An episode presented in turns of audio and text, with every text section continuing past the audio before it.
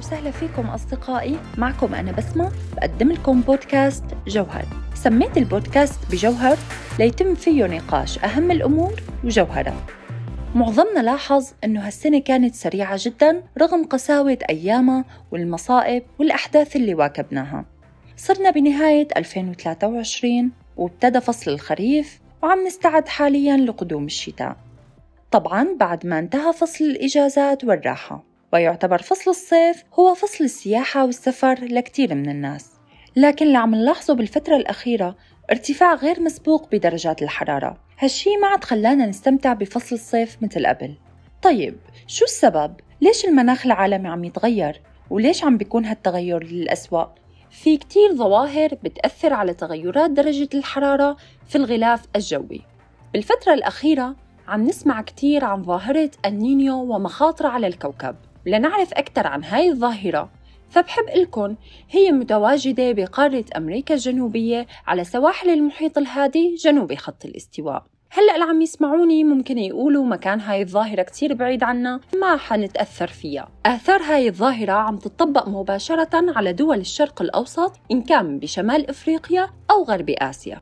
ومثل ما لاحظنا بالفترة الأخيرة حدوث كوارث طبيعية في البلدان العربية مثل الحرائق والفيضانات والأعاصير. طبعا ظاهرة النينيو هي مو جديدة أبدا بل تم اكتشافها بالقرن السابع عشر من قبل صيادي الأسماك المتواجدين بدولتي البيرو والإكوادور. لاحظوا صيادي الأسماك بهديك الفترة تغيرات بارتفاع درجة حرارة مياه البحر. ففي بعض السنوات تكون المياه دافئة ومائلة أكثر للسخونة وببعض السنوات الأخرى تكون المياه الاستوائية باردة جدا.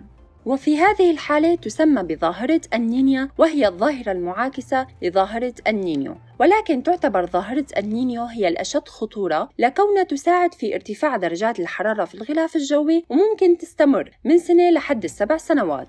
طيب كيف ممكن تحدث هاي الظاهرة؟ وشو الأسباب يلي بتأدي لحدوثها؟ هلأ بالعادة الطبيعية بتهب الرياح من الشرق باتجاه الغرب وبتدفع مع المياه الاستوائية لمسافات أبعد وبالتالي مكان المياه يلي اندفع بفعل الرياح رح تعوضه مياه من أعماق البحر والمياه يلي بتجي من أعماق البحر لتعوض المكان الفارغ اللي على مستوى سطح البحر تسمى بالتيارات الصاعدة وغالبا هاي التيارات الصاعدة بتكون مياه باردة ومليئة بالعناصر الغذائية المناسبة للأسماك والكائنات الحية البحرية الأخرى.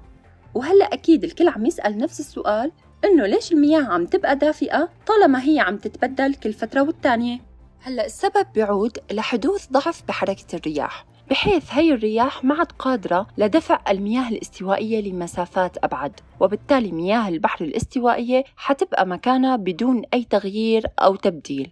ومثل ما كلنا بنعرف يوم عن يوم بتزداد درجة حرارة هاي المياه وبالتالي بيزداد تبخرها بتتشكل الغيوم ورح يصير في عنا أمطار غزيرة بمناطق معينة. ممكن هاي الأمطار تؤدي لحدوث فيضانات وسيول. وأيضا مناطق أخرى رح يحدث فيها جفاف تام مما يؤدي لموت المحاصيل الزراعية والمواشي. ليش عم بصير في عنا خلل بالظواهر الطبيعية؟ طالما كانت كل الأمور ماشية تمام؟ أكيد السبب الأول هو ظاهرة الاحتباس الحراري شو معنى احتباس حراري؟ شو يعني حرارة عم تنحبس؟ كيف وين؟ هلأ بالعادة لما بتخترق أشعة الشمس الغلاف الجوي التابع للكرة الأرضية بتوصل للكائنات الحية وبيتم استهلاكها حسب الحاجة أكيد رح يكون في عنا أشعة فائضة فهون بتنعكس هاي الأشعة نحو الغلاف الجوي ومن ثم إلى الفضاء مثل كأنه الكوكب عم بيقول للشمس stop أنا ما عاد بدي أشعة أنا اكتفيت من الأشعة اللي عطيتيني إياها رح رد لك الباقي. فلما بتوصل الأشعة للغلاف الجوي في شي عم يمنعها من الخروج كأنه عم يحتجز داخل الكوكب وبالتالي من هون إجا مصطلح الاحتباس الحراري. يوم عن يوم عم ترتفع درجات الحرارة بسبب الأشعة الفائضة يلي مو قادرة تطلع خارج الكوكب. فعندما بدأت الثورة الصناعية بالقرن الثامن عشر أصبح الاعتماد على احتراق الوقود الأحفوري كبير جدا خاصة ضمن وسائل النقل العامة مثل السيارات والبواخر والطائرات والقطارات هي عدا عن الطائرات الخاصة المستخدمة من قبل فئة الأثرياء بتعرفوا إنه الطائرة الخاصة بينتج عنا انبعاثات كربون بتزيد بحوالي عشر مرات عن الطائرة التابعة لخطوط النقل الجوي؟ وأيضا بتزيد بحوالي 150 مرة عن الانبعاثات الناتجة عن القطار السريع. طبعا عدا عن الانتشار الكبير للمعامل والمصانع المنتشرة بكثرة في البلدان الصناعية والمتطورة. فاحتراق الوقود الأحفوري يساعد على تلوث الهواء وانتشار الغازات الدفيئة مثل غاز الميثان وغاز ثاني أكسيد الكربون وأكسيد النيتروز وغيرها من الغازات السامة. طبعا هاي الغازات هي عم تمنع مرور أشعة الشمس لخارج الكرة الأرضية وبالتالي عم تصير الحرارة تراكمية عنا بالكوكب وعم ترتفع الحرارة سنة بعد سنة مما أدى لتغير المناخ العالمي للكرة الأرضية. فالدول الرأسمالية والصناعية هي المصدر الأول للتلوث وطبعا آثار هذا التلوث عم يطبق مباشرة على مناطق الشرق الأوسط. يعني نحن عم ندفع ثمن نتيجة إهمال تلك الدول. طبعا أكيد هاد ما بينفي إنه نحن أيضا عم نساعد على التلوث مثل قطع الأشجار وتوسع المدن العمرانية على حساب الغابات الحراجية. وأيضا عم نشاهد ازدياد بالحرائق إن كان المفتعلة أو الحرائق الطبيعية بأهم الغابات المطيرة في العالم مثل غابات أستراليا وغابات الأمازون. بتعرفوا أنه غابات الأمازون بتحتجز غاز ثاني أكسيد الكربون بمقدار حوالي من 90 ل 140 مليار طن؟ ومع الأسف هاي الغابات عم تستبدل بمحاصيل زراعية ذات طابع إنتاجي. قدر العالم المناخي البرازيلي كارلوس نوبري قال إنه تكلفة إعادة غابات الأمازون حيكون بحوالي 20 مليار دولار. وهذا الرقم ضخم جدا. مو بس هيك قطع الأشجار يساهم في تعريض التربة وانجرافها وتكشف الصخرة الأم. لتصبح الصخرة الأم معرضة للظروف الجوية القاسية وتتحلل بفعل الأمطار الحامضية والرياح. وبالتالي بصير في عنا جفاف بالمياه الجوفية وجفاف الأنهار والينابيع مثل ما عم نشاهد حاليا بتراجع منسوب مياه نهر الفرات بسوريا وجفاف نهر الخابور وانخفاض منسوب كبير بمقدار 6 أمتار ببحيرة الأسد. وأيضا هذا الجفاف يؤدي إلى تراجع في المحاصيل الزراعية ونفوق الكثير من الحيوانات والمواشي. نتيجة ازدياد الجفاف عم تتوسع مساحات التصحر بمناطقنا وبالتالي كثير من المناطق كانت خضرة مفعمة بالحياة أما الآن فهي أقرب لتكون صحراء خاوية. وأيضا من العوامل يلي بتساعد بزيادة نسبة التلوث هو رمي النفايات وتجميعها في الطرقات. فبينتج عنها النفايات نسبة كتير كبيرة من غاز الميثان في الجو مما يساهم بزيادة الاحتباس الحراري وخاصة النفايات البلاستيكية فمخاطرها أكبر بكتير من النفايات الأخرى. لأن النفايات البلاستيكية تحتاج لآلاف السنوات لكي تتحلل فأثناء عملية التحلل رح ينطلق غاز الميثان بشكل كتير كبير بالجو وبالتالي رح يتفتت البلاستيك لقطع صغيرة. مما أدى لموت عدد كبير من الطيور وانقراض بعض أنواعها نتيجة تناولها لهذه القطع البلاستيكية. ففي بعض الدول ممنوع استخدام العبوات والأكياس البلاستيكية وقد يؤدي رميها في الأماكن العامة إلى دفع غرامة مالية أو حتى محاسبة قضائية.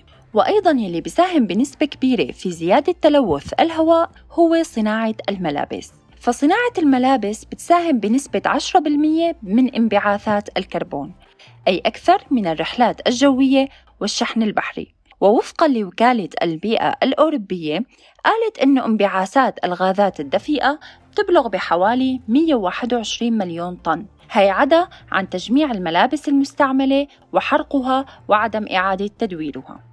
وخاصة بعد انتشار الموضة السريعة بحيث أصبحت السلع تنتشر عبر تطبيقات الإنترنت بأسعار رخيصة ولكن بجودة رديئة جدا. فلا تصلح اللبسة لأكثر من مرتين أو ثلاث مرات. فساهمت المفوضية الأوروبية المهتمة بشؤون البيئة على استراتيجية جديدة للتشجيع على لبس الثياب المستعملة والتبرع بها. وشراء قطع الثياب تكون جودتها جيدة لتبقى فترة أطول وعدم ملاحقة الموضة السريعة. وفيكم تبحثوا على الإنترنت عن أكبر مكب نفايات ملابس في العالم. رح تتفاجئوا بدولة غانا بحيث فيها جبال كاملة من الملابس المهترئة. وهذا الشيء بشكل كتير خطر كبير على البيئة.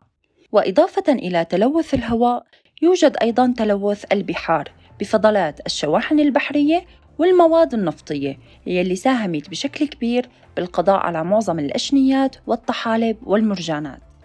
أيضا من العوامل المساعدة على تخريب النظام البيئي هي رش المبيدات الكيميائية والصيد الجائر الحرائق المفتعلة بغاية التحطيب أو حتى زرع محاصيل ذات مردود مادي. بالنسبة لآثار الاحتباس الحراري حاليا نحن عم نتعايش مع هاي الآثار إن كان من ارتفاع حرارة ملحوظ، تصحر، جفاف. ونظرا لارتفاع حرارة الكوكب عن المعدل الطبيعي عم بيكون في عنا ارتفاع في مستوى منسوب مياه البحار نتيجة ذوبان الجليد في القطب الشمالي. بالفترة الأخيرة أكدوا العلماء على زيادة ذوبان صفيحة جرينلاند الجليدية وهذا الشيء ممكن يشكل خطر ويهدد عدة مدن ومناطق بالغرق. طبعا في كتير من الدول والمنظمات مهتمة لهذا الموضوع. وفي كتير مؤتمرات طرحت المخاطر الناتجة عن تدهور النظام البيئي.